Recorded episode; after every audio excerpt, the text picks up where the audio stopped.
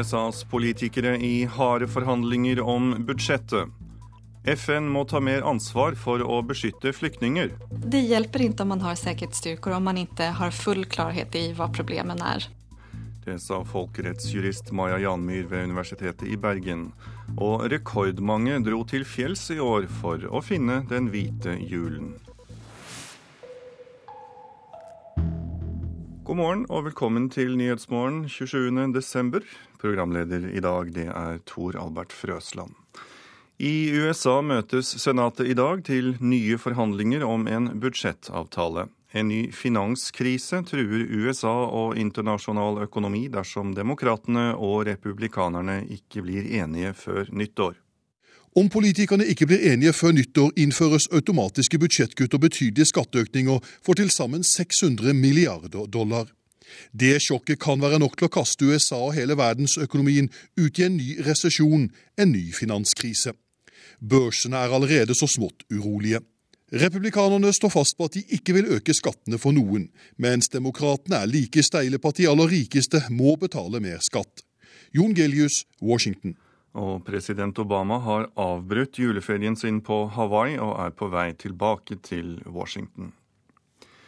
FN klarer ikke å gjøre det organisasjonen har plikt til, nemlig å beskytte flyktninger i flyktningleire mot overgrep. Det er konklusjonen i en ny doktorgrad. Flyktninghjelpen er også bekymret over at mange flyktninger opplever vold og utnyttelse i det som skal være en trygg havn. En kveld kom soldatene og omringet leiren så ingen kunne flykte. De tvang folk inn i grupper, så tok de alle de unge mennene som kunne egne seg til krig, stuet dem sammen i lastebiler og tok dem med til Sør-Sudan. Dette innebar grusomme ydmykelser foran familiene deres. Slag, spark, fornærmelser. En historie fra en flyktningleir. Et sted som skulle være trygt. Men eksemplene på overgrep er mange. For kvinner så er det jo spesielt seksuelle overgrep vi er eh, bekymra for. For barn så kan det være tvangsrekruttering, men også andre former for uh, vold. Det sier samfunns- og informasjonssjef Rolf Vestvik i Flyktninghjelpen. FN har plikt til å beskytte flyktninger, men Vestvik mener organisasjonen ikke klarer den plikten i dag. Det er ingen tvil om at FN og det internasjonale samfunn kunne gjort mye, mye mer. Det vi jo ser i områder med krig og konflikt, er jo at uh, partene i krigen eller partene i konflikten jo begår overgrep mot mennesker på, på, flukt. Og Da er det jo ofte behov for robuste FN-styrker, og det er det jo for få av i verden i dag. Det hjelper ikke om man har sikkerhetsstyrker om man ikke har full klarhet i hva problemet er. Det mener folkerettsjurist ved Universitetet i Bergen, Maja Janmyr som nylig har skrevet doktorgrad om sikkerheten i flyktningleire. Hun hevder FNs høykommissær for flyktninger har vært mer opptatt av å sørge for mat og telt enn å beskytte mot overgrep, og mangler oversikt over behovene flyktninger har for beskyttelse. Man må ha forbedrede rutiner. Vi må få plass et overvåknings- og monitoreringssystem for flyktningsikkerhet. Vi har under mange år arbeidet mye, mye tettere med flyktningene selv omkring hvordan man kan håndtere deres øh, beskyttelse. Pia Prytz-Piri er regional representant for FNs høykommissær for flyktninger i de baltiske og nordiske landene. Hun sier FNs høykommissær har oversikt over flyktningenes behov, og at det å sørge for gode boforhold også gir trygghet. Men det er en utfordring, og UNHCR er den første til å si at vi blir nødt til å bli bedre og bedre og bedre I dag så finnes det ennå inget forum der internationella organisasjoner kan hållas ansvariga eh, under folkrättskommissionens artikler. På, på, sikt så borde internationella organisasjoner kunne ställas til ansvar på samme måte som stater kan gjøres i dag i International Court of Justice. Reporter det var Ida Kvittingen. Regjeringen øker pengestøtten til barn som bor i asylmottak til neste år. Men støtten til voksne står stille, slik at de får litt mindre å bruke på mat og klær. De voksne bør også få mer, mener Norsk Folkehjelp. Støtten til barna var for lav og økes litt, det sier justisminister Grete Faremo. Dette er eh, nøkterne satser, men tilstrekkelig den såkalte basisstøtten skal dekke daglige utgifter. Mat, klær og transport. Støtten for enslige er på 3220 kroner per måned, og står altså stille neste år. Barn får en økning på opptil 700 kroner per måned. Ja, Det er klart at vi er fornøyd med at satsene øker for, for barn. Sier generalsekretær Liv Tørres i Norsk Folkehjelp. Samtidig mener hun at voksne også må få mer. Og vi mener at hele denne gruppen med asylsøkere, også de som har fått avslag, må opp på sosialhjelpsnivå. Reporter var Katrin Hellesnes. Nesten halvparten av velgerne til Senterpartiet ønsker seg Marit Arnstad som ny partileder frem mot stortingsvalget neste år. Det skriver Nasjonen. Ola Borten Moe kommer på andreplass, mens dagens partileder, Liv Signe Navarsete, bare får en oppslutning på 12 skal vi titte litt på hva avisene har på forsidene. Vi begynner med Aftenposten, som skriver at jobbsøknader bør være anonyme. Og det er Marcos Ledesma som forteller sin historie om møtet med det vanskelige norske arbeidsmarkedet. På det første intervjuet han hadde her i landet, ble han spurt hele fire ganger om han kunne danse samba. VG kan i dag fortelle oss om Frp-leder Siv Jensen, som er såret av rykter rundt privatlivet sitt. Siv sier til avisen at til neste år ønsker hun seg mann, barn og valgseier. Dagbladet har kvinner på sin forside i dag, og det er kvinner som hjelper mafiaen. For kvinnene i de kriminelle miljøene blir langt sjeldnere mistenkt, pågrepet og dømt enn mennene. Dagens Næringsliv forteller om KrF-leder Knut Arild Hareide, som håper på et nytt og forenklet system for byggesøknader. Hareides hus i Oslo er et halvt år forsinket pga. en feil i søknaden. Vårt Land skriver om at stadig flere trosser av asylavslaget. Asylsøkere som ikke forlater Norge etter avslag på søknaden, fyller nå nær en tredel av plassene ved asylmottakene. Fiskere i Lofoten sier nei til olje. Det er overskriften på Nasjonens forside. Avisen har besøkt fiskere i fiskens fødestue og loddet stemningen blant fiskerne om oljeutvinning i nord. Klassekampen forteller oss at det blir verre til neste år. Det er avisens finanskrisepanel som spår at finanskrisen i Europa blir skummel til neste år, med økende arbeidsløshet og politisk uro. Finansavisen forteller oss om tannlegeregningen vår. For høye tannlegeregninger gir skyhøye overskudd for tannlegen, og mange klinikker har marginer på over 50% ifølge avisen. Bygget egen brannkino, står det på førstesiden av Bergensavisen. Da konen til Bjørn Erik Mjelva i Os fikk kreft, bestemte familien seg for å leve ut drømmen, og den, det var en egen kinosal i kjellerstuen som julegave til sønnene. I Stavanger Aftenblad står 20 mobbeofre frem med sin historie og forteller. En av dem har tilgitt mobberne, men sier han aldri kan glemme. Og flere av vennene hans som ble mobbet, lever ikke i dag. FrPs stortingsrepresentant Gjermund Hagesæter er på forsiden av Bergens Tidende i dag, og han forteller sin historie om at han var med på å ta livet av en palestiner da han tjenestegjorde som FN-soldat i Libanon. På Stortinget taler han veteranenes sak.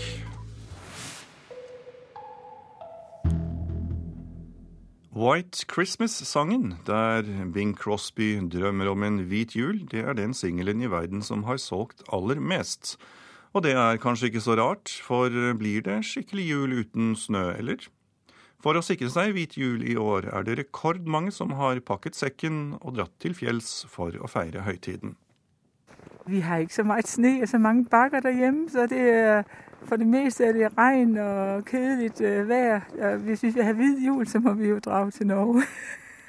Det er tidlig julemorgen, og Jette Jacobsen fra Jylland er allerede oppe for å starte julefeiringa i alpinbakken i Hafjell. Her skal hun kose seg i snøen sammen med hele familien. Det er tredje gang at vi, familien, hele familien er samlet her. Vi har to hytter øh, på fjellet. Og vi har vores øh, tre børn, som er voksne, og et barnebarn med på fjellet. Og det er riktig bra. Hvorfor øh, reiser dere hit for å feire jul og, i stedet for å feire jul øh, hjemme? Ja, Det vet jeg ikke. Det er for å være sammen med familien på en litt annen måte. Det er ikke kun meg der skal lave all maten. Vi, vi er felles om å, å, å lave alle forberedelsene, og vi kan godt lide å være aktive. Så vi er aktive om formiddagen, og så er vi øh, tradisjonell dansk jul for, for kvelden. Og familien Jacobsen er ikke alene om å dra til fjells for å feire jul. I år har rekordmange gjester booka hytte eller hotell hos de store skidestinasjonene i Norge. Jordi Summers, daglig leder i Hafjell Booking, sier det har kommet nesten dobbelt så mange julegjester i år som i fjor. Og spesielt mange danske familier har tatt turen til fjells. Og Av de som kommer fra utlandet, ja, nesten alle 95% er dansk. Det er stort sett uh, familier som kommer til Hafjell, men trenden vi ser nå, det er at flere generasjoner reiser sammen. Så jeg vil si at bestemor og bestefar uh, kan være med å gå på langrenn, og far og mor kjører alpint, mens ungene leker i de fire parker i Hafjell. Mange fridager på kalenderen denne jula og tidlig snøfall bidrar til å trekke folk til Hafjell. Og jula er en viktig høytid for skidestinasjonen. Ifølge Summers vil jule- og nyttårshelga stå for en stor del av inntektene til Hafjell Booking i løpet av denne vintersesongen. Vi forventer ca. 45 000 skidøgn i, uh, i jula i år. Og så har vi som målsetning på hele sesongen på ca. 400 000 uh, skidøgn. Så bare jula står for mer enn 10% av totalbesøket i, uh, i Hafjell. Skafte har tatt med seg familien fra Hillerød i Danmark til Hafjell for å feire jul for fjerde gang. Og det er snøen som lokker den danske familien til Norge i julehelga, innrømmer Skafte. Jamen, vi, øh, vi, elsker å stå på ski, jo. Og så øh, er det jo Hvis du tar til Norge og tar til Hafjell, så er du sikker på å få en, en hvit jul. Så derfor. Hvordan feirer dere jul da her på Hafjell? Ja, det ved, vi er litt usikre på det fordi vi bor på hotell, så normalt bor vi i hytte. Men øh, vi har sett det er et juletre, og vi har sett at øh, julenissen, hedder han på norsk, øh, julenissen øh, kommer forbi oss. Så, og så skal vi spise på restaurant, tror jeg. Så det blir hyggelig. Ja. Ja. ja. men Da må dere ha en riktig god jul. Takk skal du ha. Tak. Hej. Og reporter i det vinterhvite fjellet, det var Monica Ricoll. Vi er dårlige foran mål. Det bekymrer Manchester City-manager Roberti Mancini mest etter 1-0-tapet i går. Byrival United vant sin kamp etter fire skåringer og leder nå tabellen sju poeng foran City. Uh, but we didn't score. This is our problem. We don't score. We don't score enough goals to win the game. Last year we scored one, two, three goals every game. Um, uh, now when we have a chance we are too soft. Uh, and this is not. Vi sliter veldig med å skåre nok mål om dagen, sa en frustrert City-manager etter tapet for Sunderland i går. De lyseblå knep seriemesterskapet i 2012, men etter halvspilt sesong har United nå 49 poeng, sju mer enn byrivalen. Alex Ferguson mener desember er en avgjørende måned i Premier League, og er stolt av måten hans menn slo Newcastle 4-3 på i en dramatisk kamp. December is always a big month, and we dropped two points to Swansea last week. Uh, but we made up for it today because that was a really championship performance today. ManU ledet bare én gang i kampen. Det var etter Hernandez 4-3-skåring kun sekunder før full tid. Det er ikke første gang denne sesongen at United-laget må jage seier i sluttminuttene. Og selv om 70-åringen er imponert over evnen til å aldri gi opp, kan ikke laget hans fortsette på denne måten hvis de vil vinne ligaen, pga. det enorme presset det legger på laget. No, we can't. Absolutely can't. It's just an um, absolute amazing performance by us in the second half with courage and never giving in. And that, that got us the result today. But it does put us under tremendous pressure, continually losing goals. Et annet lag som har press på seg, er Liverpool.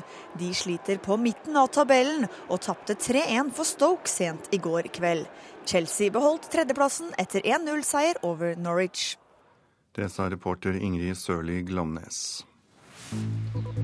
Du hører på Nyhetsmorgen i NRK P2 og Alltid nyheter, og her er noen av overskriftene våre i dag. FN må ta mer ansvar for å beskytte flyktninger.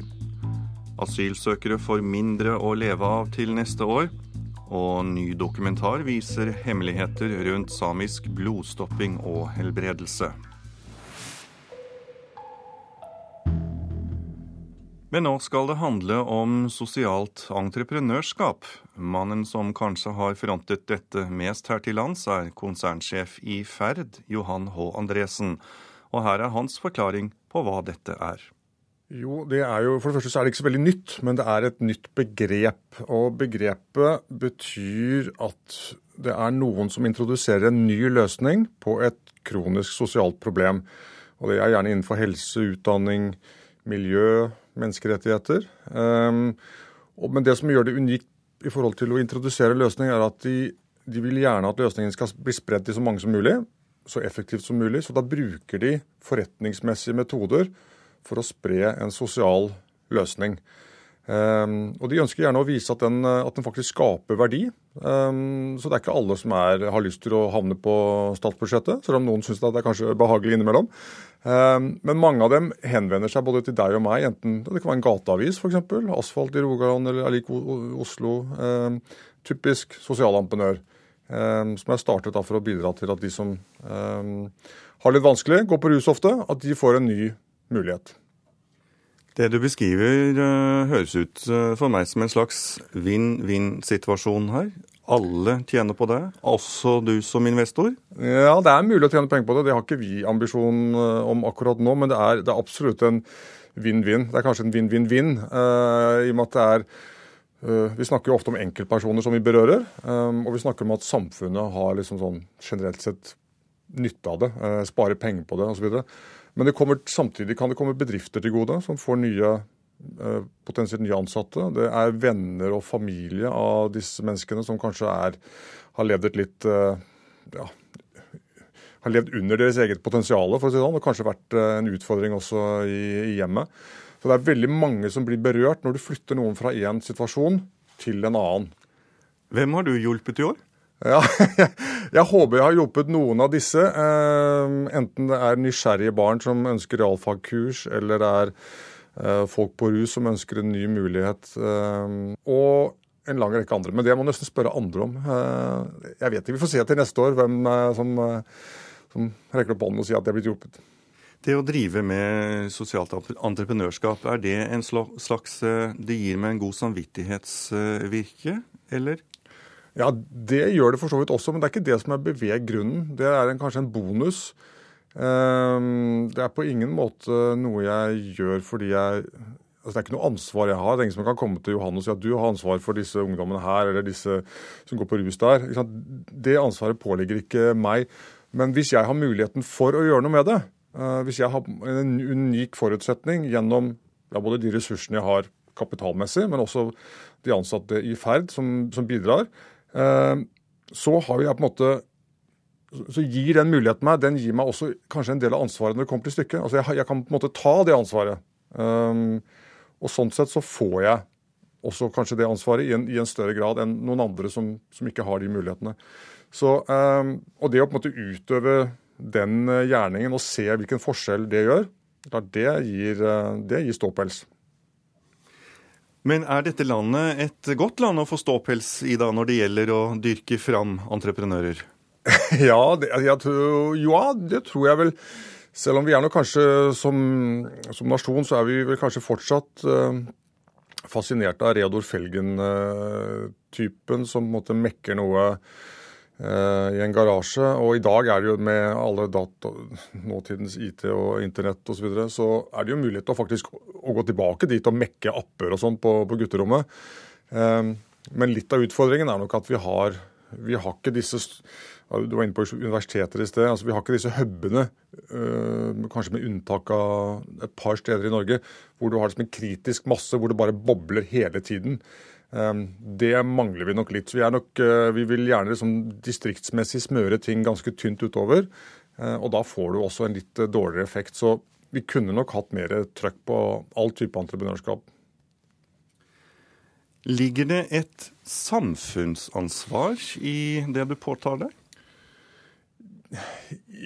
Ja, og når jeg var litt innom uh, hvordan jeg se på ansvar Men i utgangspunktet så er det viktigste ansvaret eller samfunnsansvaret jeg utøver, det er gjennom å skape verdier i de bedriftene som Ferd har, enten det er Elopak eller Swix eller Able.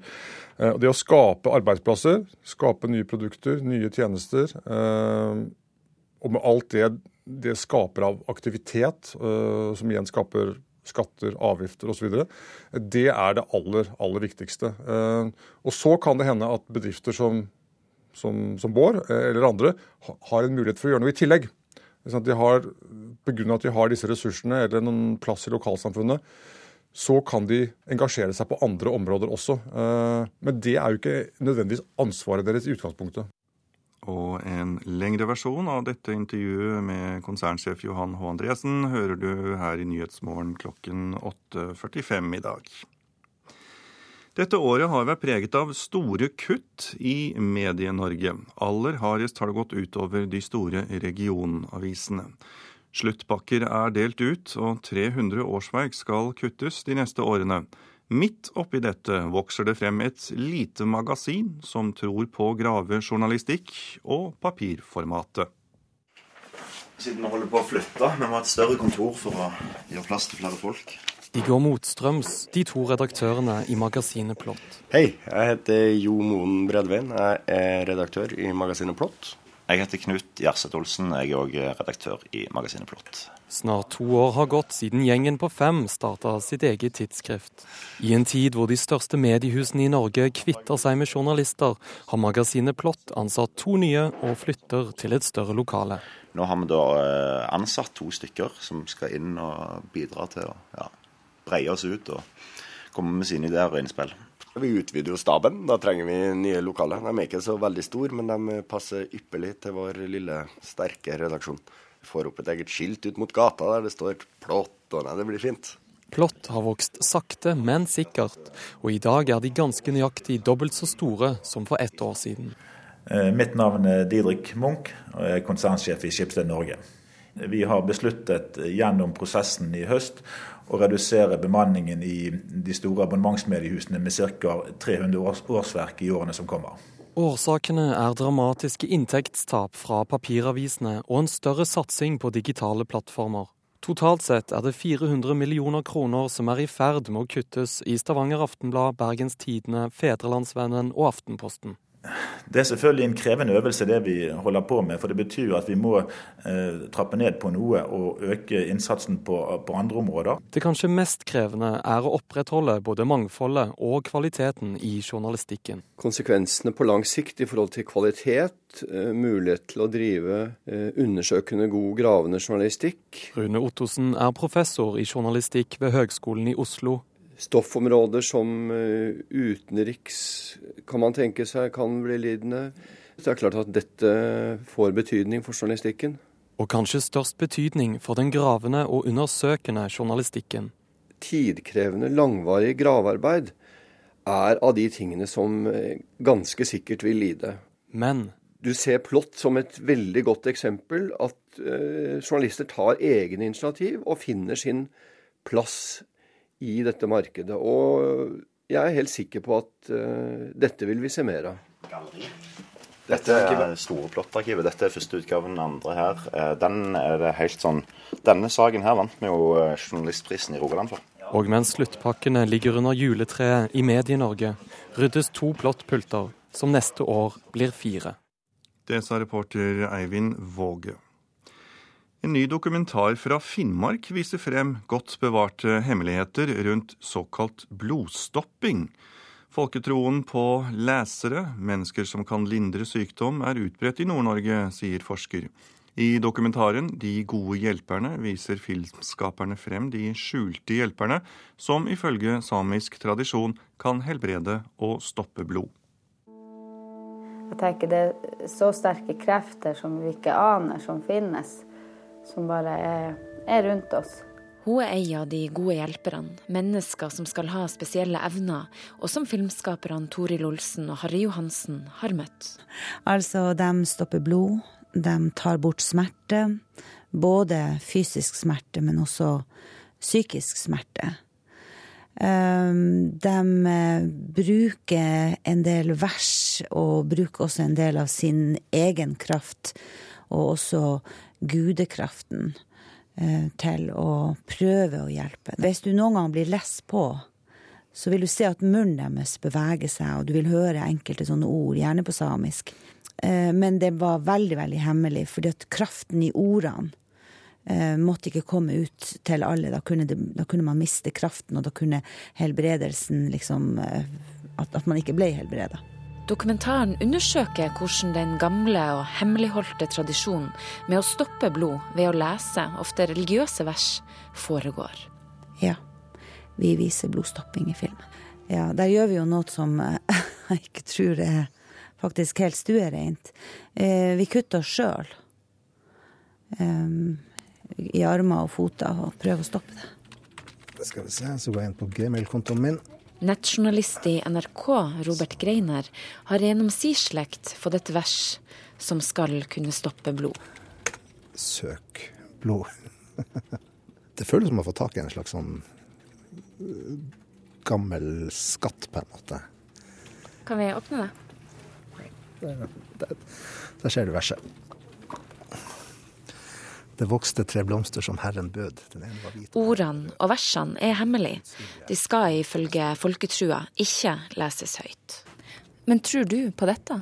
At et sånt vers kan stoppe blod hvis du skulle trenge det? Som jeg pleier å si, den bitte, bitte lille forsikringen hvis du en gang skulle ha behov, så lar man det kanskje ikke stå utprøvd, men uh, først og fremst skolemedisin, da. På Universitetet i Tromsø jobber Anni Margrethe Henriksen med ei doktorgrad på temaet.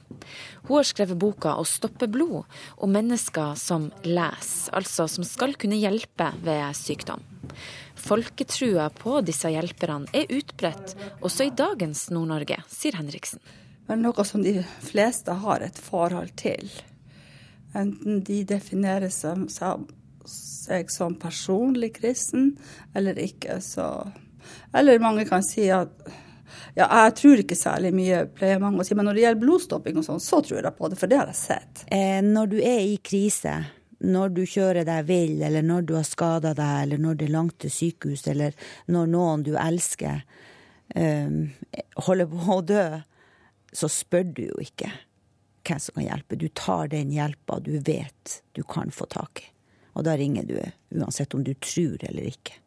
Det sa filmskaper Toril Olsen til reporter Karoline Rugeldal. Og dokumentaren De gode hjelperne har premiere på Tromsø internasjonale filmfestival 15.1. Og du kan også lese mer om dette på nrk.no.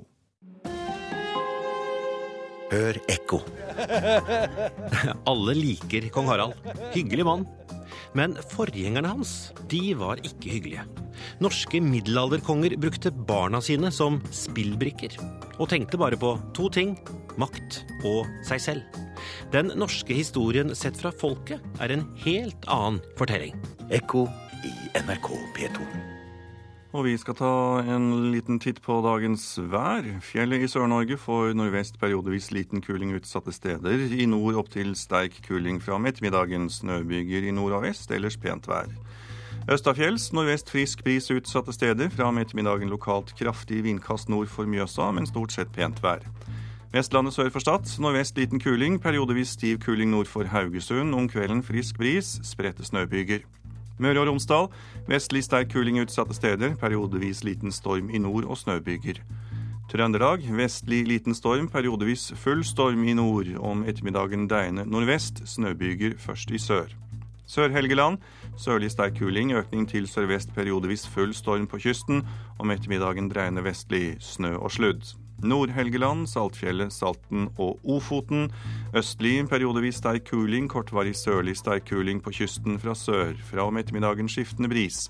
Mest opphold, men litt snø i grensetraktene og lengst sør. Lofoten og Vesterålen og Troms vest for Lyngsalpan. Sørøst liten kuling utsatte steder, om kvelden frisk bris, litt snø i grensetraktene. Troms øst for Lyngsalpan og Finnmark. Sørøst liten kuling, fra ettermiddagen periodevis sterk kuling, kortvarig liten storm i vest. Litt snø, moderat ising på fartøy i vest. Norden-Sjølland på Spitsbergen får skiftende bris og enkelte snøbyger. Morgentemperaturer målt klokken fire. Svalbard lufthavn minus 16 grader. Kirkenes minus 21. Vardø minus 4. Alta minus 10. Tromsø, Langnes og Bodø minus 4. Brønnøysund minus 1. Trondheim-Værnes 0. Molde minus 3. Bergen-Flesland minus 1. Stavanger 0. Kristiansand-Kjevik minus 6. Gardermoen minus 8. Lillehammer minus 9. Røros minus 13. Og Blindern i Oslo minus 5 grader.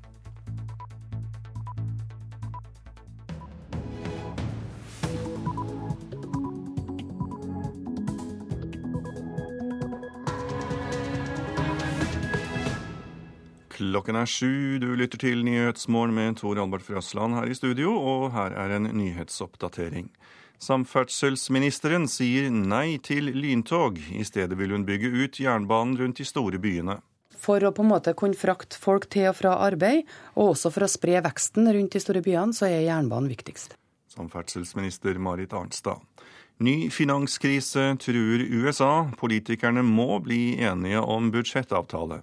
Om politikerne ikke blir enige før nyttår, innføres automatiske budsjettkutt og betydelige skatteøkninger for til sammen 600 milliarder dollar.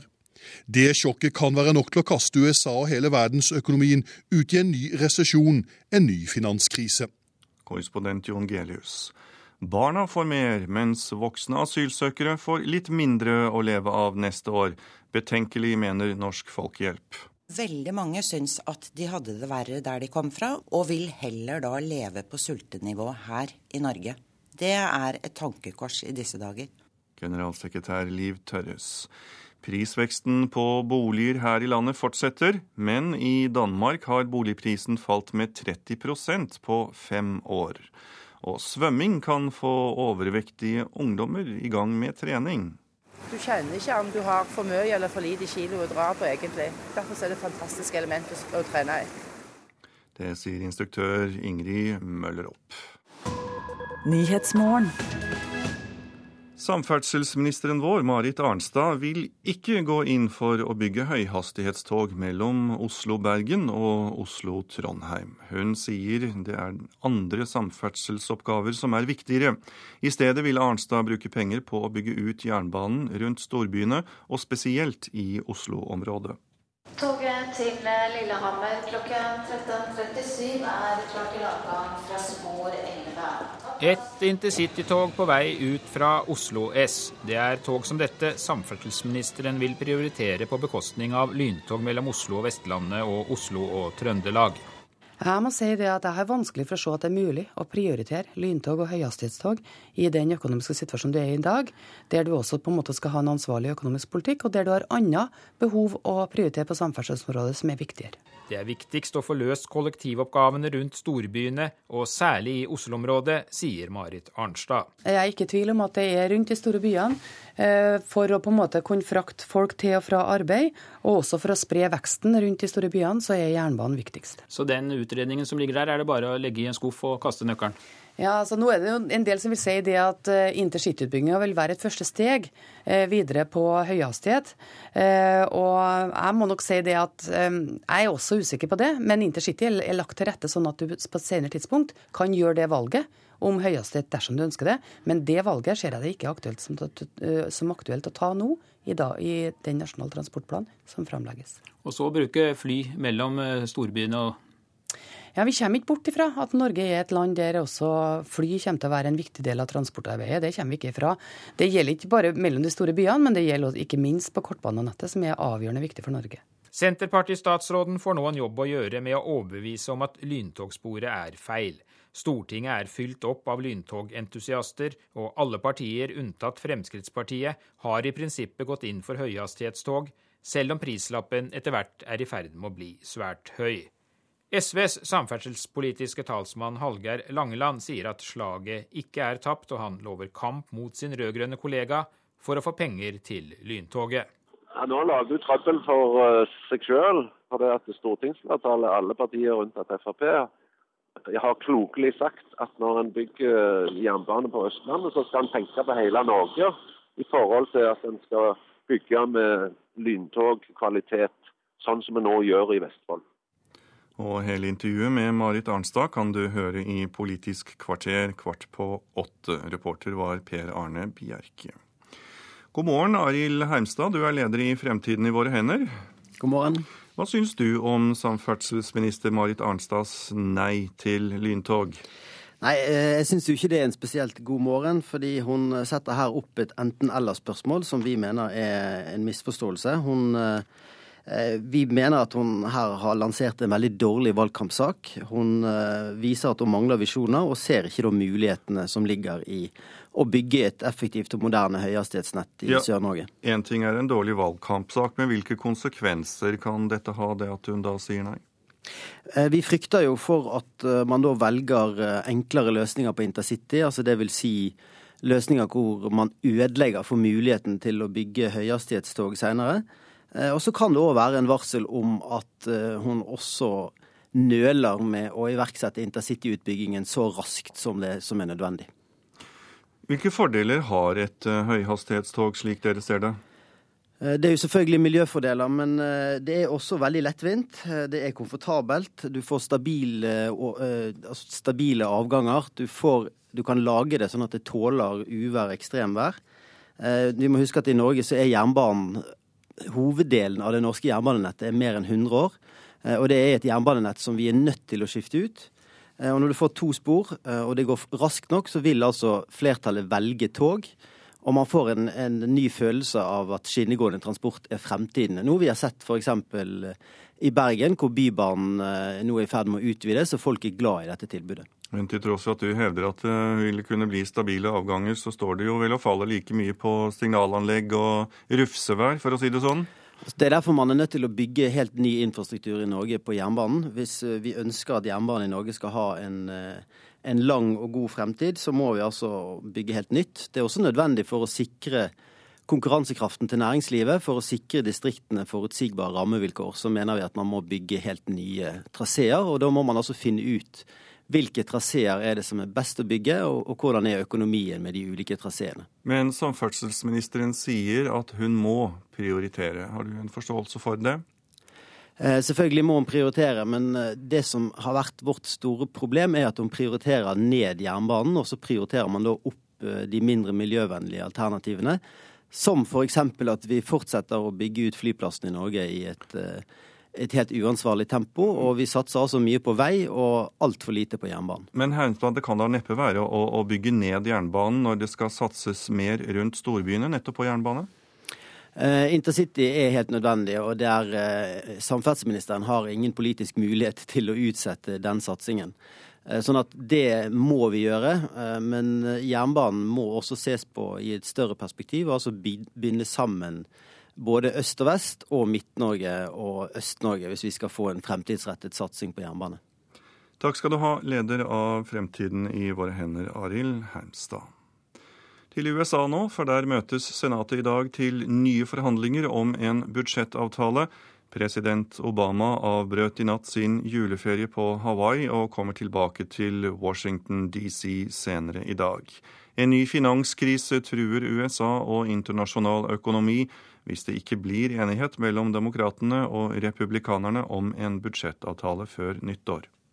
Fire dager før fristen løper ut, er det fullstendig fastlåst og stillstand i arbeidet med å hindre det såkalte budsjettstupet Fiscal Cliff.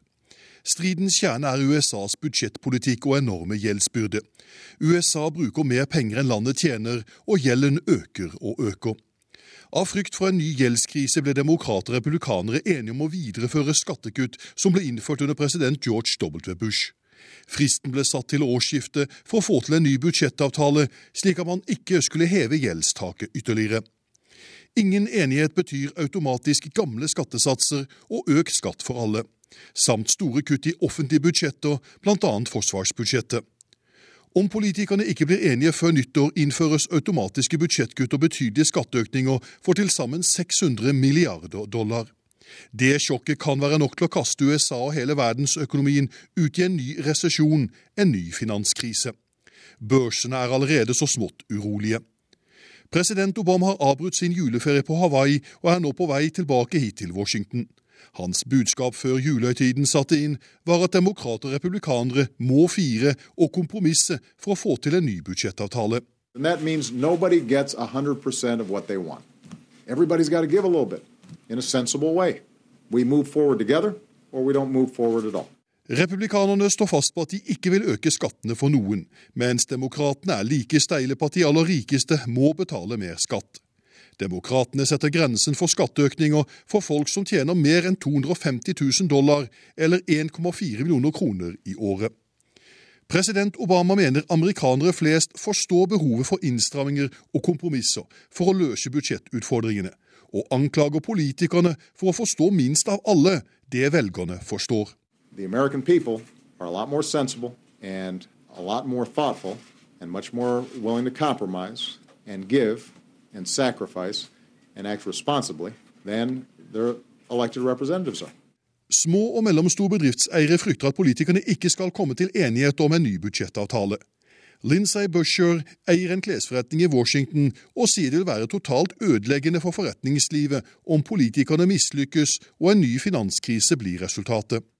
I think the effects of them not coming up with a plan is is going to be devastating, and I see a huge, a bigger recession. Senatet kommer tilbake på jobb igjen i dag, tredje juledag, mens Representantenes hus fortsatt har juleferie, men fått beskjed om at de vil få 48 timers varsel på å komme seg tilbake hit til Washington DC. Begge kamre i Kongressen må godkjenne en ny budsjettavtale. President Obama har fire døgn på å unngå budsjettstupet. Om få timer lander han her i Washington for å prøve å løse budsjettkaoset, slik at amerikanere flest ikke våkner opp til skatteøkninger første nyttårsdag. Jon Gelius, Washington. Og fra USA til mer hjemlige forhold, for regjeringen øker pengestøtten til barn som bor i asylmottak neste år. Men støtten til voksne står stille, slik at de får litt mindre å bruke på mat og klær. De voksne bør også få mer, mener Norsk Folkehjelp. Støtten til barna var for lav og økes litt, sier justisminister Grete Faremo. Dette er eh, nøkterne satser, men tilstrekkelig den såkalte basisstøtten skal dekke daglige utgifter. Mat, klær og transport. Støtten for enslige er på 3220 kroner per måned, og står altså stille neste år. Barn får en økning på opptil 700 kroner per måned. Vi har funnet ut at for barn og ungdom mellom 6 og 17 år, så var beløpet forholdsmessig for lavt. Ja, Det er klart at vi er fornøyd med at satsene øker for, for barn. Sier generalsekretær Liv Tørres i Norsk Folkehjelp. Samtidig mener hun at voksne også må få mer. Og vi mener at hele denne gruppen med asylsøkere, også de som har fått avslag, må opp på sosialhjelpsnivå. De som har fått avslag på asyl, får aller minst. 1960 kroner i måneden skal rekke til det meste. De skal ut av landet, og det gjenspeiles også i den lave pengestøtten, sier Faremo. Den eh, speiler jo at eh, med et avslag eh, på en asylsøknad, så forventer vi at vedkommende returnerer til sitt hjemland. Strategien virker ikke, mener Tørres. Veldig mange syns at de hadde det verre der de kom fra, mener at det er farlig der de kom fra, og vil heller da leve på sultenivå her i Norge. Det er et tankekors i disse dager. Reporter var Katrin Hellesnes. Klokken den har passert sju med 13 minutter. Du hører på Nyhetsmorgen i NRK P2, og dette er hovedsakene våre. Samferdselsministeren vil ikke bygge høyhastighetstog fra Oslo til Bergen og Trondheim. Hun vil heller bygge ut jernbanen rundt de store byene. Ny finanskrise truer USA. Politikerne må bli enige om budsjettavtale før mandag. Og FN klarer ikke å beskytte flyktninger i flyktningleirer mot overgrep. Flyktninghjelpen er bekymret.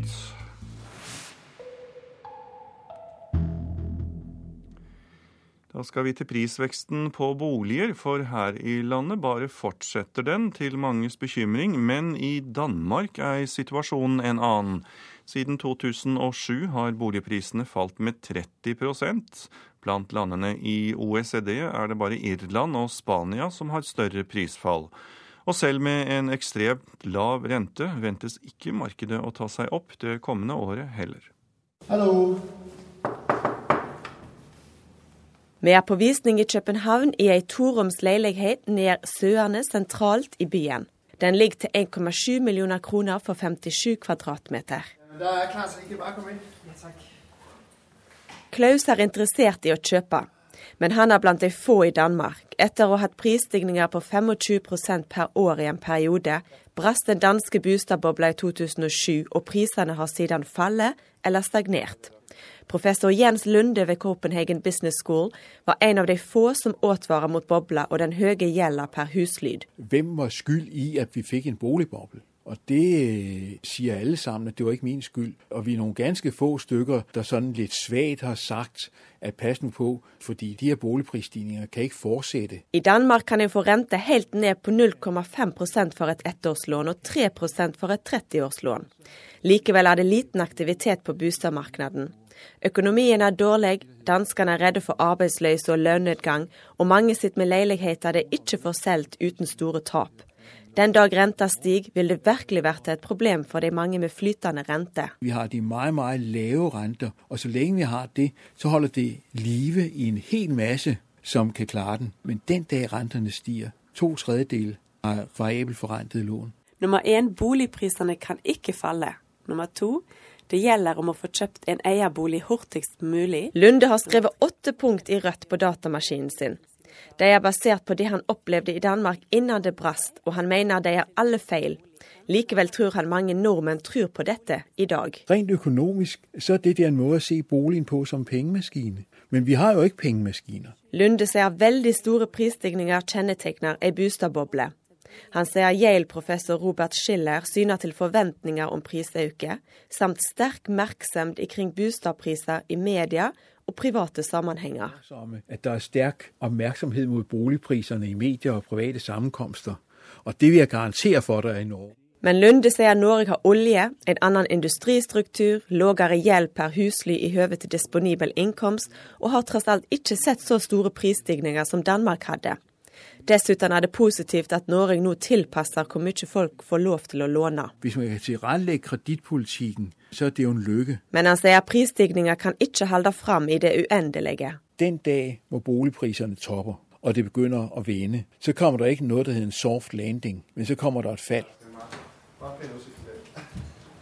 Ja, precis. Fordi man kommer litt opp i høyden.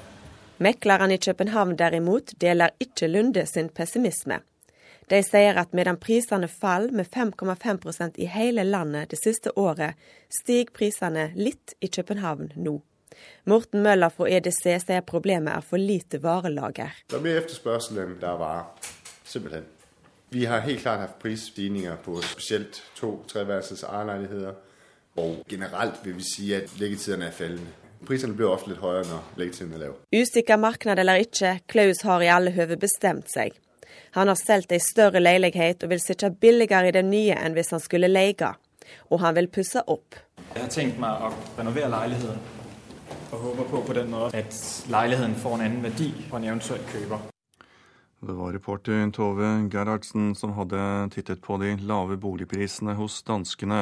Men en annen økonomi som det har vært snakket svært mye om denne høsten, det er krisen i den greske økonomien.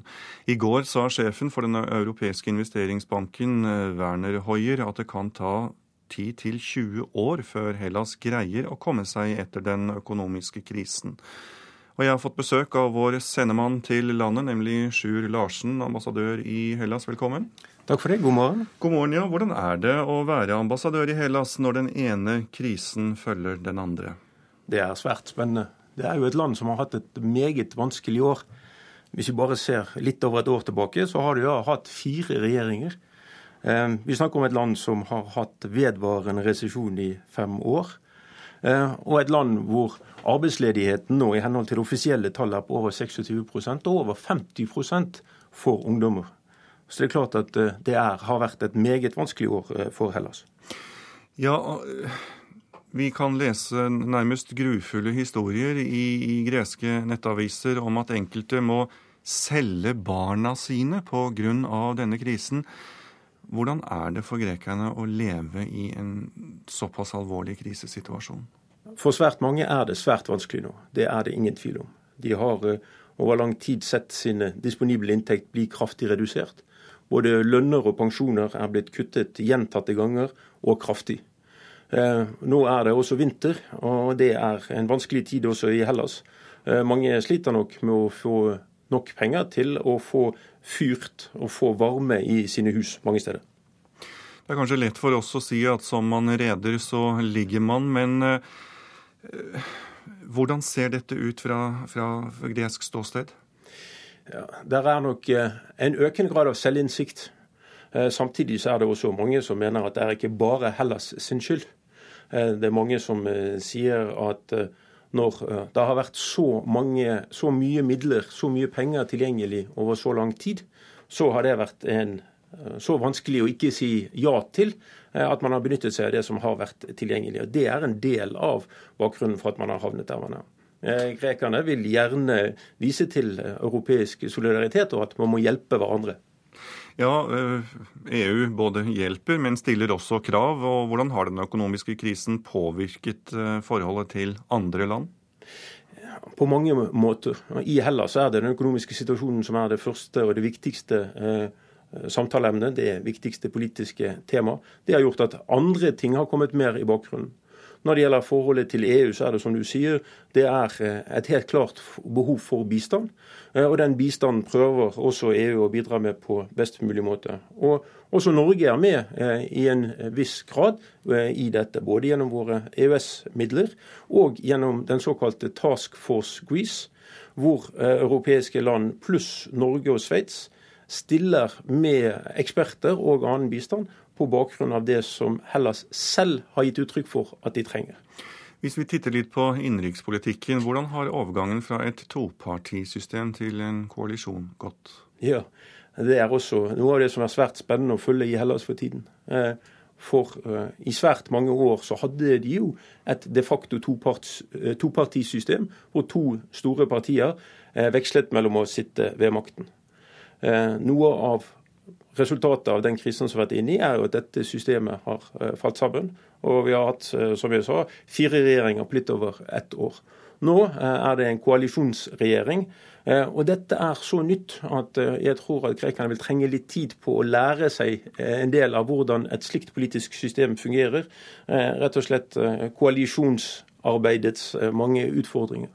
En annen ting som rører seg i gresk politikk, det er fremveksten av ytterste høyrefløy, for å kalle det det. Kan du avslutningsvis kort forklare litt? Ja. Det er som du sier, ytterste høyre fløy eh, finnes det et parti som heter Gyllent daggry, som har fått eh, sterkt økende oppslutning, eh, og har nå 7% og fikk 18 seter i nasjonalforsamlingen av totalt 300 ved valget som var i juni. Dette er bekymringsfullt. Dette er et parti som er virkelig ute, ute på den ytterste høyre fløy. Eh, det som vil bli interessant å prøve å følge videre, er hvorvidt dette er stemninger i det greske folk som har en reell grobunn, eller om det er et utslag for frustrasjon med de politikere som har sittet, og den situasjonen som landet er oppe i. Jeg håper og tror eh, det siste. Dette og mer til det følger du med på som vår ambassadør til Hellas. Takk skal du, takk skal du ha for at du kom til Nyhetsmorgen, Sjur Larsen. Takk for det. Israelske myndigheter bygger et nytt gjerde langs grensen mot det borgerkrigsherjede Syria. Landet forbereder seg på mer uro dersom den syriske presidenten Bashar al-Assad blir styrtet. Det har allerede vært angrep fra syrisk side mot grenseområdet. Den 23 år gamle kvinnen i India som ble utsatt for en massevoldtekt for et par uker siden, er sendt til Singapore for ytterligere behandling. Tilstanden hennes er fortsatt kritisk. Massevoldtekten har utløst store protester og krav om økt sikkerhet for kvinner. USAs tidligere president George W. Bush får intensivbehandling på sykehus grunnet høy feber. 88 år gamle Bush ble lagt inn på sykehus i forrige måned med bronkitt og har hatt en rekke tilbakefall. Han har tilbrakt julen på sykehus sammen med konen Barbara og annen familie. Etter fem år med resesjon, budsjettkutt og en arbeidsledighet på 25% har en radiostasjon bestemt seg for bare å kringkaste gode nyheter for å lette på humøret i et land der det er så mye å bli deprimert over. Titte litt på forsidene på avisene. Aftenposten skriver at jobbsøknader bør være anonyme og det er Marcos Ledesma som forteller sin historie om møtet med det vanskelige norske arbeidsmarkedet. En av de andre avisen har snakket med, forteller at hun ble spurt fire ganger om hun kunne danse samba på sitt jobbintervju. VG kan i dag fortelle oss at Frp-leder Siv Jensen, som er såret av rykter rundt privatlivet sitt, Siv sier til avisen at til neste år så ønsker hun seg mann, barn og valgseier. Dagbladet har kvinner på sin forside i dag, og det er kvinner som hjelper mafiaen. For kvinnene i de kriminelle miljøene blir langt sjeldnere mistenkt, pågrepet og dømt enn mennene. Vårt Land skriver om at stadig flere trosser asylavslaget. Asylsøkere som ikke forlater Norge etter avslag på søknaden, fyller nå nær en tredel av plassene ved asylmottaket. Klassekampen forteller oss at det blir verre til neste år. Det er avisens finanskrisepanel som spår at finanskrisen i Europa blir skummel til neste år, med økende arbeidsløshet og politisk uro. I Stavanger Aftenblad står 20 mobbeofre frem med sin historie. En av dem har tilgitt mobberne, men sier han aldri kan glemme. Og flere venner av han som ble mobbet, lever ikke i dag. Fedrelandsvennen skriver om alle foreldres mareritt. Jonas og Anita Stalmo opplevde at sønnen Max Leon forsvant i isvannet i elva i Sogndalen men far hoppet ut i elva og fikk reddet den halvannen år gamle sønnen. Nordlys skriver om stortingspolitikernes reiser. For representanter fra fylket er mye på reise, men de skulle gjerne reist mer, forteller avisen. To av ti barn og unge er overvektige i dag. Svømming kan være en treningsaktivitet som kan få flere i gang med å trene. Nå starter et nytt tilrettelagt treningstilbud i Stavanger. To ganger i uka med svømmeaktivitet, så vil de bli i, over en periode så vil de bli i bedre form og kjenne at dette var godt. Og treffe andre i samme situasjon. At det, det er ofte det som skal til. Vi befinner oss i Stavanger svømmehall denne formiddagen. Og når Ingrid Møllerup her snakker om folk som er i samme situasjon, sikter hun til ungdommer med litt for mange kilo. Over nyttår starter Madla svømmeklubb opp med tilrettelagt treningstilbud retta mot overvektig ungdom. Dette her er en gruppe som har et veldig lite tilbud. Spesielt for de som går på ungdomsskolen som sliter med for mange kilo. Så er det utrolig eh, viktig å få de på banen, at det er et tilbud. Til nå har fem ungdommer meldt seg, og Møllerop håper å fylle opp kurset, som vil gå to ganger i uka. Det vil legges vekt på ernæring så vel som treningsvaner og svømmeteknikk. Renate Alve Syme ved Poliklinikk for sykelig overvektige i Stavanger ser flere fordeler for overvektige til å drive med svømming. Spesielt for overvekt, det er at selv overvekt gjør det veldig tungt skulle, skulle si for å gå, f.eks., eller gjøre fysisk aktivitet. Eh, vann og svømming gjør det veldig lettere for dem. Fordi vannet fjerner den belastning i knær og fot. Og det gjør mye enklere å bevege seg i vannet. Ernæringsfysiologen påpeker at motstanden i vannet gjør at hele kroppen tas i bruk, og at både kondisjon og muskler får kjørt seg. Men det er ikke nok med ei økt i bassenget. Så der håper jeg at det faktisk er de som eh, begynner med det, så rett og slett fortsatt å gjøre i hvert fall en tre måneders tid. Og er garantert skal de føle forskjell. Det er i barne- og ungdomsåra grunnlaget for en sunn livsstil legges. Men det å vise seg i badetøy kan være et problem for ungdom som sliter med overvekt. Møllerop tror det å ha et eget tilbud vil hjelpe. De som gjerne sliter litt og ikke har lyst til å gå på offentlig bading eller blande seg i en annen eh, treningsgruppe med svømmere, kan gå i sin egen gruppe i utgangspunktet, men kanskje bli integrert etter hvert. Og det er aldri for seint å begynne, mener Møllerup, og har nok av argumenter for å starte allerede nå. Det blir ikke tungt, du blir jo nesten vektløs i vann. sånn at du kan liksom Alle kan i grunnen trene i vann. Du kjenner ikke om du har for mye eller for lite kilo å dra på, egentlig. Derfor er det et fantastisk element å, å trene i. Reporter var Ragnhild Aas Harbo. Det er Nyhetsmorgen i NRK P2 Alltid nyheter du lytter på. Den neste halve timen skal du bl.a. få Dagsnytt med Anne Skårseth, dagens utenriksreportasje og Politisk kvarter. Produsent i dag er Marit Selmer Nederlid, og i studio Tor Albert Frøsland. NRK Klassisk. Den vakreste julemusikken på radio i hele desember.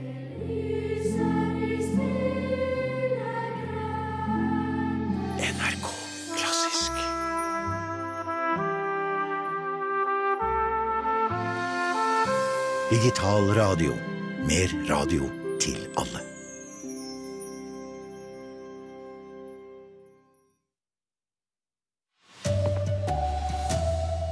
Nei til lyntog, sier samferdselsministeren. Hun vil bruke pengene på jernbane rundt storbyene. Ny finanskrise truer USA. Politikerne må bli enige om budsjettavtale. Og hele kollekten fra julaften ble stjålet fra kirke i Kristiansund. Her er NRK Dagsnytt, klokka er 7.30. Samferdselsminister Marit Arnestad setter foten ned for å bygge høyhastighetstog mellom Oslo-Bergen og Oslo-Trondheim. Andre oppgaver er viktigere, sier hun. Arnstad vil bruke pengene til å bygge ut jernbanen rundt storbyene, spesielt i Oslo-området. Jeg må si det at jeg har vanskelig for å se at det er mulig å prioritere lyntog og høyhastighetstog i den økonomiske situasjonen du er i i dag, der du også på en måte skal ha en ansvarlig økonomisk politikk, og der du har andre behov å prioritere på samferdselsområdet som er viktigere. Toget til Lillehammer klokken 13.37 er klart til avgang. I stedet for lyntog mellom Oslo og Vestlandet vil samferdselsministeren satse på intercityutbyggingen på Østlandet. Det er viktigst å få løst kollektivoppgavene rundt storbyene, og særlig i Oslo-området, sier Marit Arnstad. Jeg er ikke i tvil om at det er rundt de store byene eh, for å på en måte kunne frakte folk til og fra arbeid, og også for å spre veksten rundt de store byene, så er jernbanen viktigst. Senterpartistatsråden får nå en jobb å gjøre med å overbevise om at lyntogsporet er feil. Stortingets største lyntogentusiast, SVs Hallgeir Langeland, lover kamp mot sin rød-grønne kollega for å få penger til lyntoget. Nei, dette er en kamp. Hun legger seg ut med Stortinget, Stortinget og parlamentarismen. og det skal hun nok få merke. Samferdselsministeren fastslår at det ikke blir noe forslag om lyntog i Nasjonal transportplan som legges frem neste år. Og hun er usikker på om lyntoget i det hele tatt har noen fremtid. Nå er det jo en del som vil si det at eh, intercityutbygginga vil være et første steg eh, videre på høyhastighet. Eh, og jeg må nok si det at jeg er også usikker på det, men intercity er lagt til rette sånn at du på et senere tidspunkt kan gjøre det valget om høyhastighet dersom du ønsker det. Men det valget ser jeg det ikke som aktuelt å ta nå. Reporter var Per Arne Bjerke, og Arnestad er gjest i Politisk kvarter klokka kvart på åtte. Marit Arnstad mangler visjoner, det mener leder i Framtiden i våre hender, Arild Gjermstad. Han syns det er lite framtidsrettet å ikke bygge lyntog. Eh, vi frykter jo for at eh, man da velger eh, enklere løsninger på intercity, altså vil si løsninger hvor man ødelegger for muligheten til å bygge høyhastighetstog senere. Og så kan det òg være en varsel om at hun også nøler med å iverksette intercityutbyggingen så raskt som det som er nødvendig.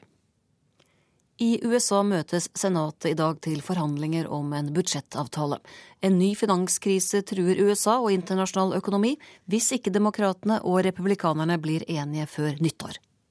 Om politikerne ikke blir enige før nyttår, innføres automatiske budsjettkutt og betydelige skatteøkninger for til sammen 600 milliarder dollar.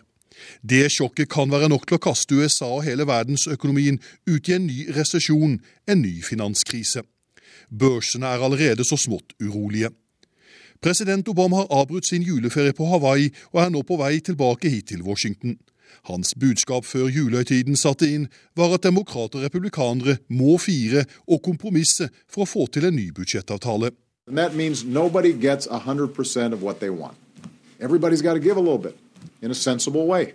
We move forward together, or we don't move forward at all. Republikanerne står fast på at de ikke vil øke skattene for noen, mens demokratene er like steile på at de aller rikeste må betale mer skatt. Begge kamre i Kongressen må godkjenne en ny budsjettavtale. President Obama har fire døgn på å unngå budsjettstupet. Om få timer lander han her i Washington for å prøve å løse budsjettkaoset, slik at amerikanere flest ikke våkner opp til skatteøkninger første nyttårsdag.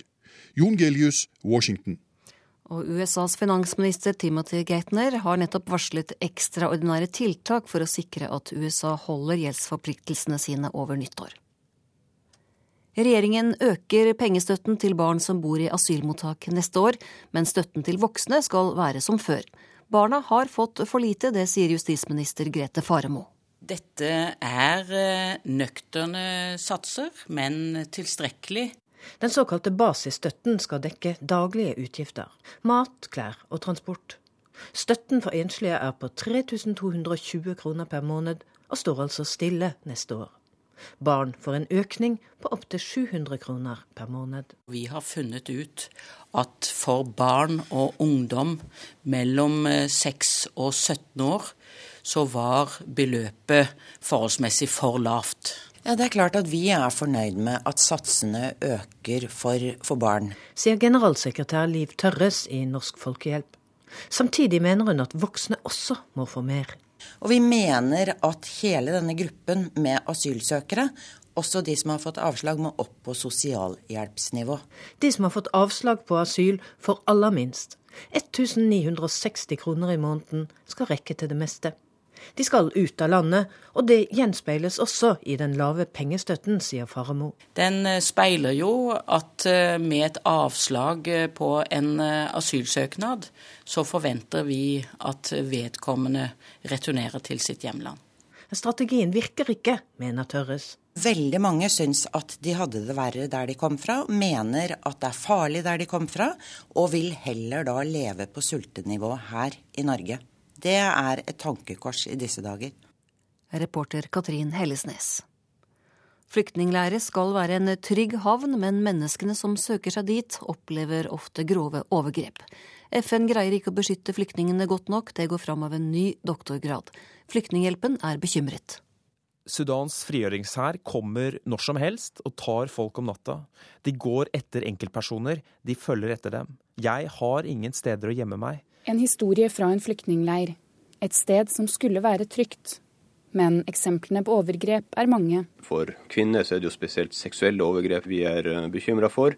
For barn så kan det være tvangsrekruttering, men også andre former for uh, vold. Det sier samfunns- og informasjonssjef Rolf Vestvik i Flyktninghjelpen.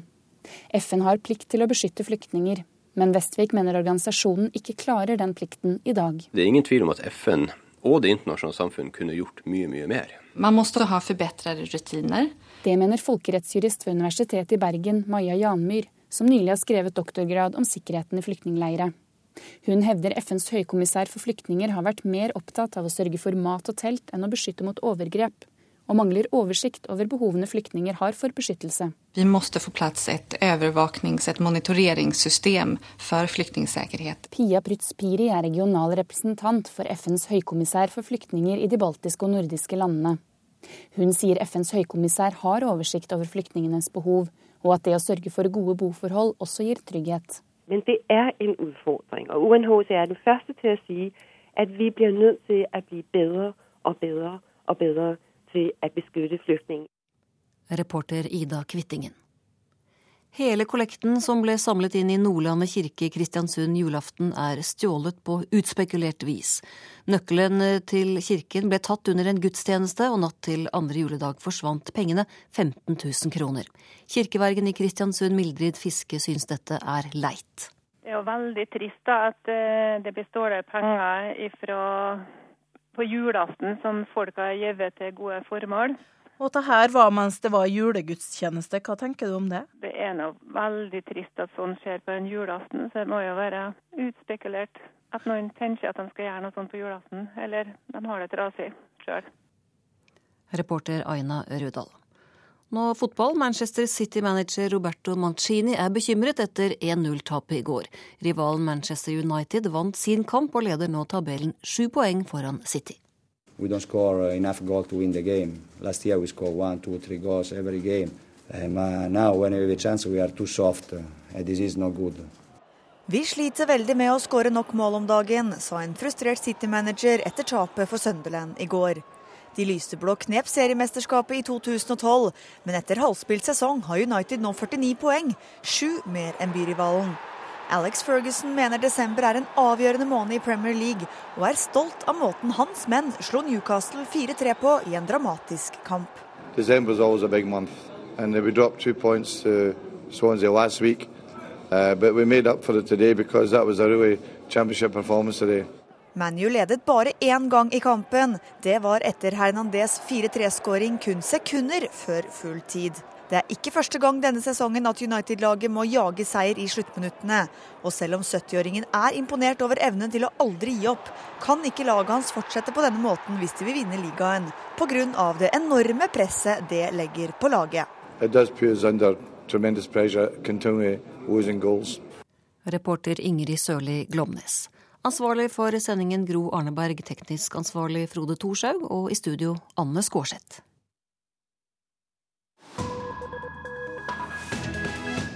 Og her i Nyhetsmorgen skal vi ta for oss at det er 70 år siden et av de mest berømte slagene under den andre verdenskrig. I El Alamein i Egypt sto det avgjørende slaget om kontroll over Nord-Afrika og Suezkanalen.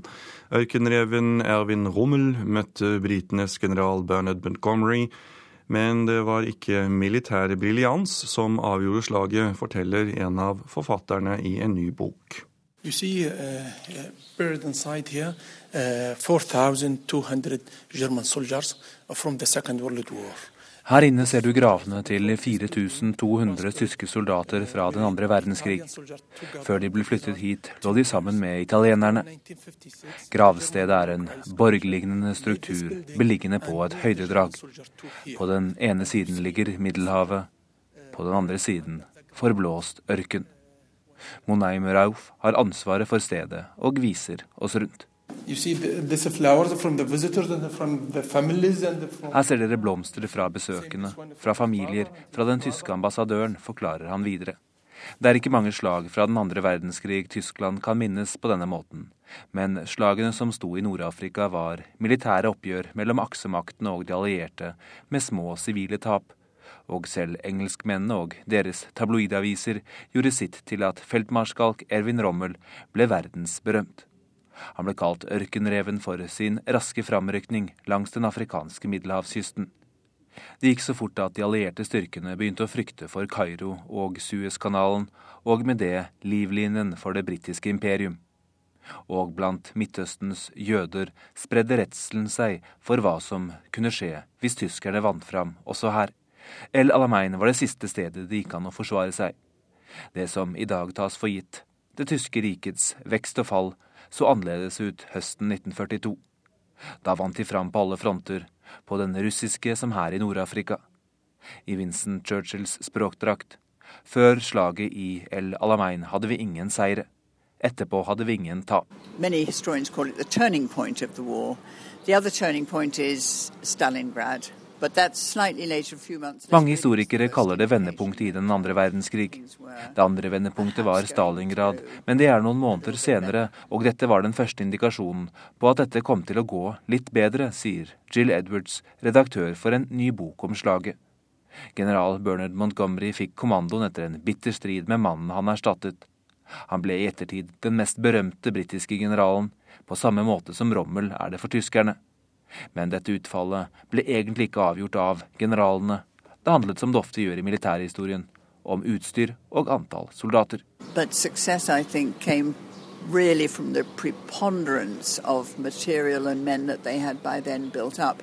They had um, American tanks had started to arrive, the Grant tanks. Suksessen kom, tror jeg, pga. den overmakten av soldater og utstyr de hadde bygget opp. Amerikanske stridsvogner hadde blitt sendt, Grant-stridsvognene, og i sine notater sier Rommel at de nå har disse stridsvognene vi ikke kan gjøre noe med, forklarer Edwards. Hun gir ut boka 70 år etter at slaget sto.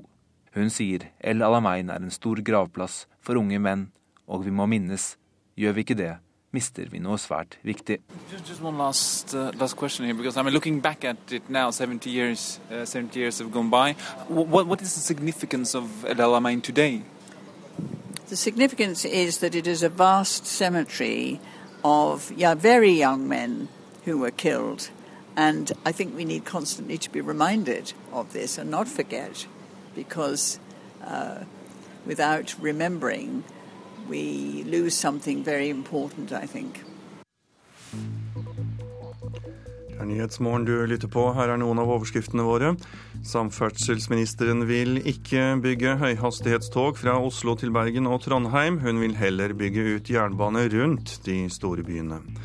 I USA møtes Senatet i dag til nye forhandlinger om en budsjettavtale. Dersom politikerne ikke blir enige, truer en ny finanskrise både USA og internasjonal økonomi. Og barna får mer, mens voksne asylsøkere får litt mindre å leve av neste år. Og samferdselsminister Marit Arnstad hun er gjest hos deg i Politisk kvarter, Per Arne Bjerke. Ja, som vi har hørt i nyhetene har hun klare tanker om hvor det er riktig å bygge ut jernbanen. Hun mener også det er nødvendig med restriksjoner for å begrense bilbruken i byene.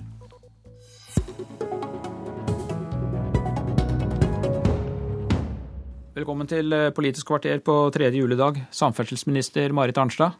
Takk for det. Hva var det som fikk deg til å vende tilbake til politikken igjen? Ja, nei, altså Spørsmålet er jo om jeg egentlig noen gang ble ferdig med politikk. Eh, jeg hadde et behov for å gå ut i et annet type yrkesliv eh, og òg få lov å ta advokatbevillinga mi. Og prøve meg i andre roller enn i politisk arbeid. Men eh, engasjementet for politikken, altså det politiske engasjementet det bringer du jo på en måte med deg, og det er veldig artig å få en mulighet til å arbeide direkte med politikken. Nå var du borte i mange år, du ga deg vel i 2005. Hvordan vil du si at eh, politikken har endret seg i løpet av de årene du var borte? Ja, Den politiske debatten har kanskje ikke endra seg så mye. Skjønt jeg føler nok på en måte at vi, vi som politikere kanskje også blir litt sånn øyeblikksorientert, men det er også journalistikken blitt i større grad. Altså det er flere flater, flere plattformer å formidle eh, journalistisk det som skjer i politikken. Eh, samtidig så er det nok færre journalister som følger norsk politikk nøye og inngående over lengre tid. Og dermed så vil jeg våge den påstanden å si at det er færre journalister som også evner å stille de mest kritiske spørsmålene. Da får vi prøve så godt vi kan i dette programmet.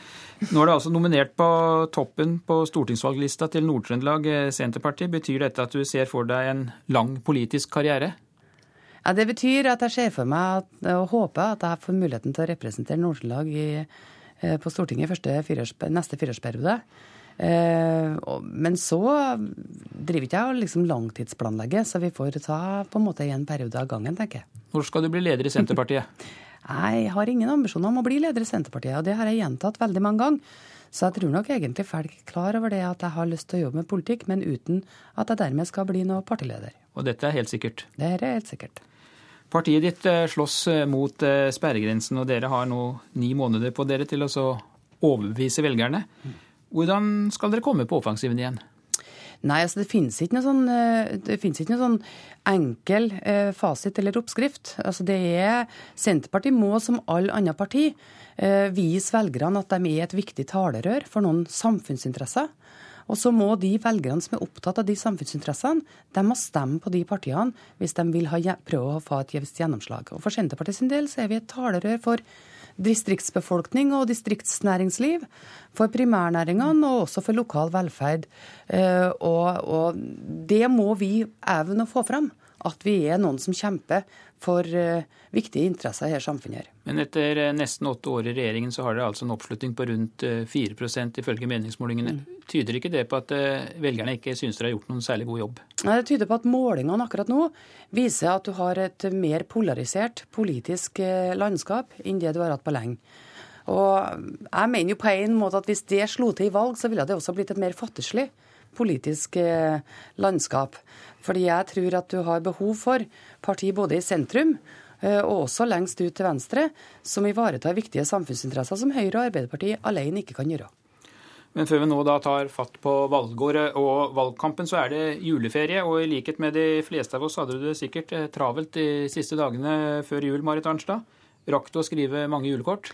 Nei, jeg er ikke noen stor julekortskriver, altså. Jeg må bare si det. Men jeg, jeg var veldig, jeg syns jeg var ganske flink til å gi folk en klem og ønske dem god jul, men jeg er ikke noe flink til å skrive kort, da. Men her skal du i hvert fall få en hilsen selv.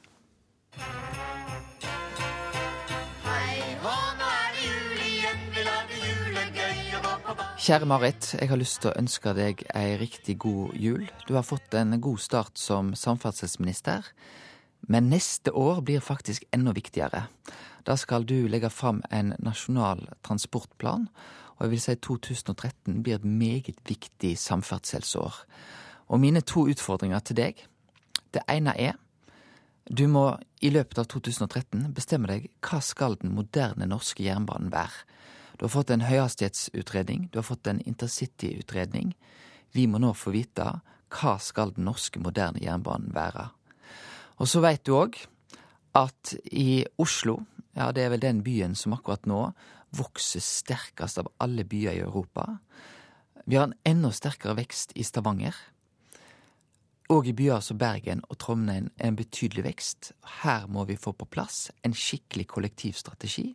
Jeg mener bybaneprosjekt både i Bergen og Stavanger må støttes opp. Og hvordan vi skal takle den utfordringen med den befolkningsveksten, ikke minst i nærheten av de store byene, det blir en jobb for deg som samferdselsminister. Riktig god jul.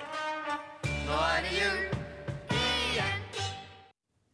Lederen i KrF og leder i Stortingets transportkomité, Knut Arild Hareide. Her kommer han med noen utfordringer til deg, og for å gripe fatt i det siste han sier om behovet for å satse kollektivt i storbyene.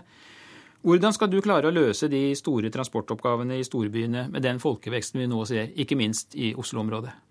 Ja, for det første, Det skal ikke Samferdselsdepartementet alene løse. For det er klart at byene sjøl er nødt til å gjøre mye av jobben. Jo, men dere legger noen viktige rammer. Ja, ja, så det er liksom et samvirke her, og det er ganske viktig, syns jeg, mellom de store byene og, og, regjeringa når det gjelder å løse de problemene. Og det må skje både gjennom at du setter inn større andel eh, midler til å bygge ut kollektivtrafikk, men også at du på ulike måter begrenser bilbruken.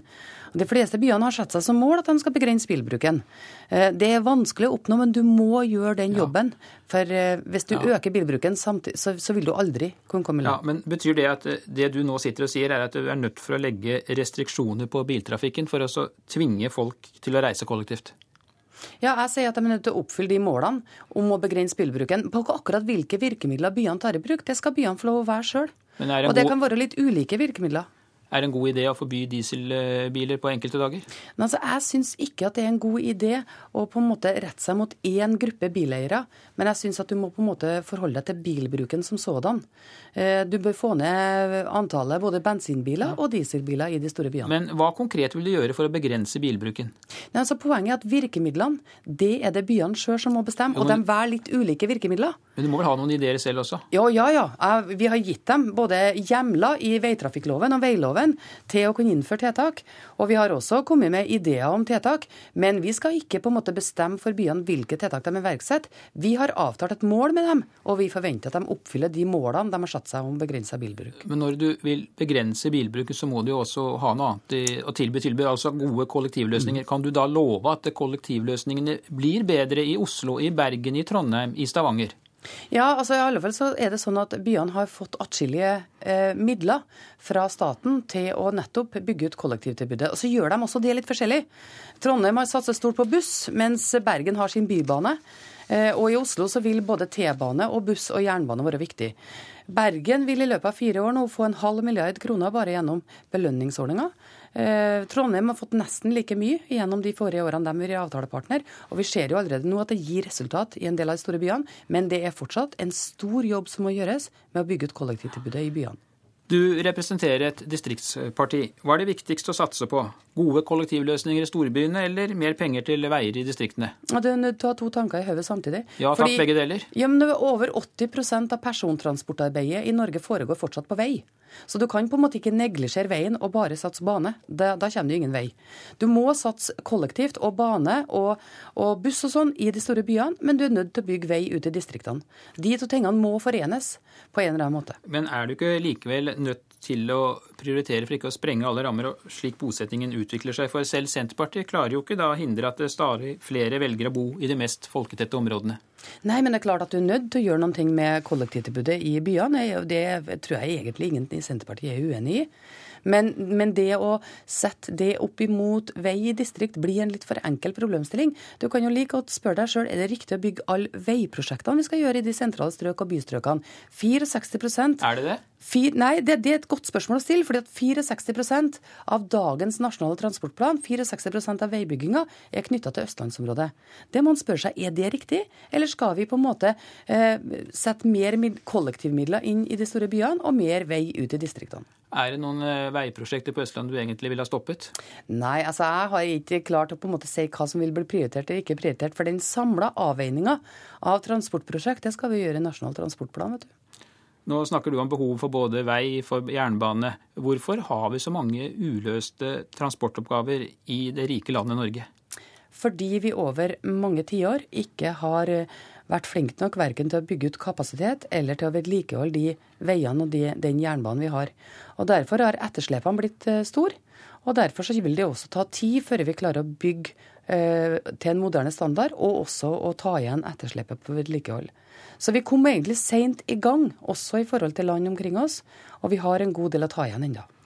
Nå er jo da en av, en av årsakene til problemene på trafikksektoren i storbyene at stadig flere altså flytter et Hvilket dilemma er det for deg som Senterpartipolitiker at det blir mer og mer folk i de tettbygde strøkene mens dere sitter med regjeringsmakta? Nei, altså, altså, det er klart at Vi ønsker jo oss at du skal ha en mer desentralisert utvikling. Eh, men når folk flytter til storbyen, så skal de jo ikke av den grunn bli straffa med et dårlig eh, samferdselstilbud. Vi skal jo sørge for å få et godt samferdselstilbud i hele landet. Eh, men på sikt så mener jeg at det må være et mål at du sprer veksten, ikke bare ut ifra samferdselsmessige hensyn, men ut ifra samfunnsmessige hensyn. Fordi at jeg tror det vil være bedre både for i forhold til miljø, og også i forhold til levekårene for folk, og også i forhold til da, samferdsel på sikt. Neste år kommer altså en ny nasjonal transportplan, som vi også hørte at Hareide var inne på. Hvor er det viktigst å bygge ut jernbanen i årene som kommer? Rundt de store byene. Jeg er ikke i tvil om at det er rundt de store byene. Eh, for å på en måte kunne frakte folk til og fra arbeid, og også for å spre veksten rundt de store byene, så er jernbanen viktigst. Når kan du da love at eh, vi får til eh, intercitytriangelet på Østlandet? Ja, Det skal vi da komme tilbake til. Nasjonal transportplan, tidsplan og framdrift for eh, intercity. Jo, men Kan du gi noen antydninger? Det er jo, folk har jo ventet på dette her i tiår nå. Ja, Men da kan jeg ikke gi antydninger tre måneder før vi skal legge fram Nasjonal transportplan. Vet du, Da må en vente og se hva som kommer i transportplanen om det spørsmålet. Men du kan love at det kommer en satsing på jernbane på Østlandet? Ja, og at den vil dreie seg i stor grad om eh, rundt eh, Oslo-området, men også rundt de andre store byene. Fordi jernbanens viktigste rolle er knytta til å frakte folk til og fra de store byene og rundt de store byene. Du sier altså at dere skal satse på intercitytogene i de sentrale områdene på Østlandet. Kan vi da samtidig slå fast at det aldri blir noe lyntog mellom Oslo og Bergen og mellom Oslo og Trondheim? Jeg må si det at jeg har vanskelig for å se at det er mulig å prioritere lyntog og høyhastighetstog i den økonomiske situasjonen du er i i dag, der du også på en måte skal ha en ansvarlig økonomisk politikk, og der du har andre behov å prioritere på samferdselsområdet som er viktigere. Så den utredningen som ligger der, er det bare å legge i en skuff og kaste nøkkelen? Ja, altså nå er det jo en del som vil si det at uh, intercityutbygginga vil være et første steg uh, videre på høyhastighet.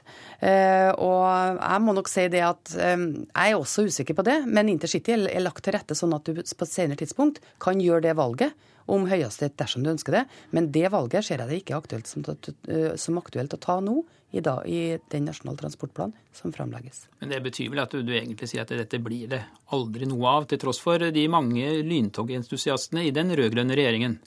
Jo, men jeg skjønner at folk er opptatt av lyntog. og Derfor så har vi også lagt til rette for at vi har høye, eh, høy fart på intercitystrekningene. Men vi er nødt til å prioritere ressursene. Og det viktigste du kan gjøre på jernbanen i dag, det er å bedre jernbanen kapasitetsmessig rundt de store byene. Og så bruke fly mellom eh, storbyene og ja, Vi kommer ikke bort ifra at Norge er et land der også fly kommer til å være en viktig del av transportarbeidet. Det kommer vi ikke ifra. Det gjelder ikke bare mellom de store byene, men det gjelder ikke minst på kortbanenettet, som er avgjørende viktig for Norge. Takk skal du ha for at du kom hit til eh, Politisk kvarter, Marit eh, Arnstad, og fortsatt god jul. Takk i like måte. Marit Arnstad, da jeg snakket med henne for noen dager siden. SVs samferdselspolitiske talsmann og kanskje Stortingets største lyntogentusiast Hallgeir Langeland har ikke gitt opp kampen for en høyhastighetsbane. Han er ikke begeistret for Arnstads synspunkter.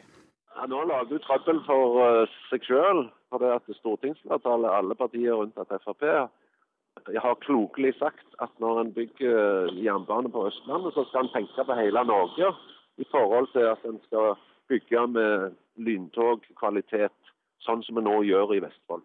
Langeland vil likevel ikke være med på at kampen om lyntoget er tapt. Nei, dette er en kamp. Hun legger seg ut med Stortinget, Stortinget og parlamentarismen, og det skal hun nok få merke. Som vi hørte i intervjuet med Marit Arnstad, sier hun et klart nei til å bli ny leder i Senterpartiet. Det forhindrer likevel ikke at Senterpartiets velgere gjerne vil ha henne. I en meningsmåling som Sentio har gjort for Nasjonen i dag, svarer 42% av Senterpartisympatisørene at de vil ha Marit Arnstad som ny partileder. Den sittende partilederen Liv Signe Navarsete får bare 15% oppslutning. Og KrF-leder Knut Arild Hareide holder på å bygge hus i Lettvintveien i Oslo. Men det er alt annet enn lettvint, ifølge Dagens Næringsliv. Hareide gjorde en liten feil i byggesøknaden, og det forsinket behandlingen med et halvt år. For en enkel mann fra Bømlo som er vant til å bygge på landet, er det en helt annen virkelighet du møter i Oslo, sier Hareide, som er glad for at Stortinget nettopp har vedtatt at byggesøknader skal digitaliseres. Dermed blir det raskere og enklere behandling. Og det var Politisk kvarter med Per Arne Bjerke.